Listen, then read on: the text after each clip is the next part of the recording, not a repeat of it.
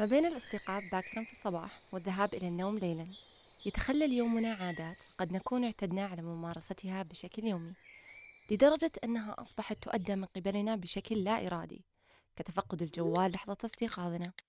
شرب قهوة الصباح الغداء مع زملاء العمل ممارسة الرياضة أو حتى مشاهدة التلفاز. في طبيعتنا كبشر نميل للأمور المعتادة لأن التكرار يولد الشعور بالألفة والراحة وبالتالي نستطيع جميعنا الاستفادة من ذلك بخلق عادات وممارسات صحية تعود علينا بالفائدة. لكن هذا التكرار في عادة معينة قد يتخذ منعطفا مظلما يتحول للإدمان. يوجد خط رفيع بين العادة والإدمان. إذا تعدى الشخص هذا الخط ستتحول العادة بسهولة إلى الإدمان. فمعظم العادات اللي نسميها اليوم إدمان بدأت سابقا من فكرة أنها كانت مجرد تصرف نمارسه يوميا ولكن أدت إلى عواقب سلبية للشخص اللي يمارسها فبالتالي كيف نعرف أي من العادات اللي نمارسها يوميا ممكن تؤدي بنا إلى الإدمان وهل إحنا الآن مدمنين لبعض من عاداتنا اليومية اللي نمارسها؟ في هذه الحلقة القصيرة من محتوايز راح نتكلم أكثر عن ما هي العادة وما علاقتها بالإدمان وكيف نقدر نفرق بين العادات الطبيعية والإدمان؟ لأن الفرق بين العادات والإدمان كان لمدة طويلة من أكثر المواضيع عرضة للنقاش. الجواب ممكن يبدو لك طويل وكمان معقد لكنه في الواقع أبسط مما كنت تتوقع. نتساءل عن مختلف جوانب حياة الإنسان. كيف حدث ذلك؟ من أفضل الطرق لفهم الحالة الحاضرة أن نحيطها بعدد من الأسئلة كل شهر نتحدث عن موضوع مختلف بشكل مفصل وشامل ما هي السعادة وكيف نحققها؟ لماذا نحلم؟ وما الذي يحدث في الدماغ أثناء الحلم؟ كل هذا وأكثر في محتوايز أولا راح نبدأ نعرف العادات والإدمان ما هي العادات؟ العادات هي أفعال وسلوكيات حافظ الإنسان على أنه يسويها بشكل متكرر. ليه؟ لأنه وببساطة يحصل على النتيجة اللي يبيها فصار يسويها بشكل تلقائي ولا إرادي.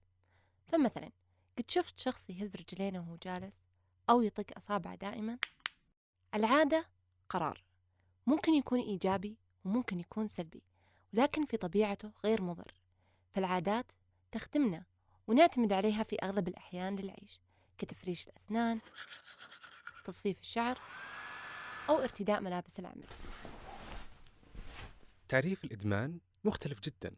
هو حالة مرضية معقدة تصيب الدماغ ويعرف بحاجة شديدة ما نقدر نسيطر عليها للقيام بفعل أو حتى سلوك معين. بغض النظر عن إيش العواقب السلبية للفعل أو السلوك هذا. الأفعال والسلوكيات المدمن عليها تسيطر بشكل كبير على حياة الشخص.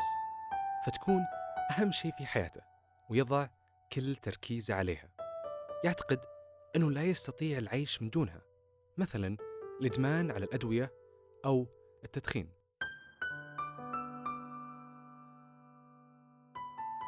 تحدثنا عن تعريف العادة والإدمان.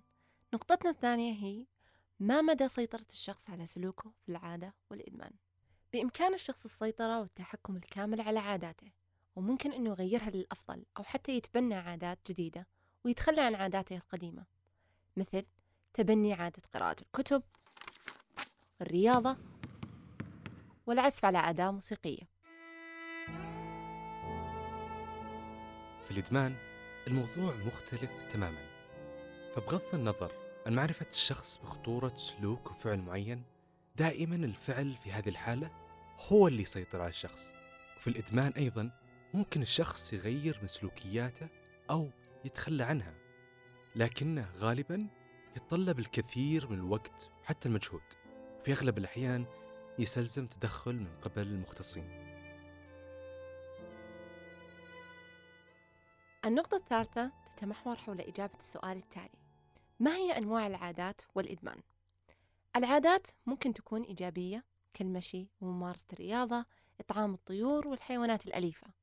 ومن العادات الإيجابية أيضا الابتسامة مساعدة الغير وتعلم درس جديد يوميا. ويمكن للعادات أن تكون سلبية أيضا كالغضب والشتم وقضاء وقت طويل على الهاتف الجوال بلا هدف. لكن الإدمان في طبيعته وكل جوانبه سلبي لأنه دائما يضر بالشخص من الناحية الجسدية والنفسية وكمان الاجتماعية فممكن يتسبب بحصول الأمراض المزمنة. وأيضا ممكن يتسبب بالاعتماد النفسي على السلوك المدمن عليه. أيضا يؤثر بعلاقة الشخص سلبيا مع محيطه من الأصدقاء والعائلة.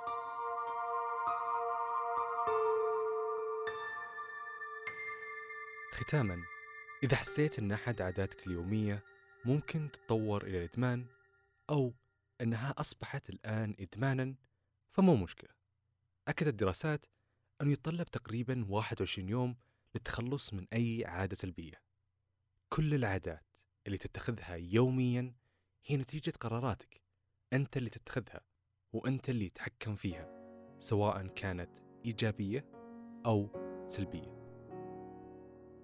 فإذا كانت المشكلة التي تواجهها حاليا نتيجة آلاف القرارات السلبية المتخذة يوميا.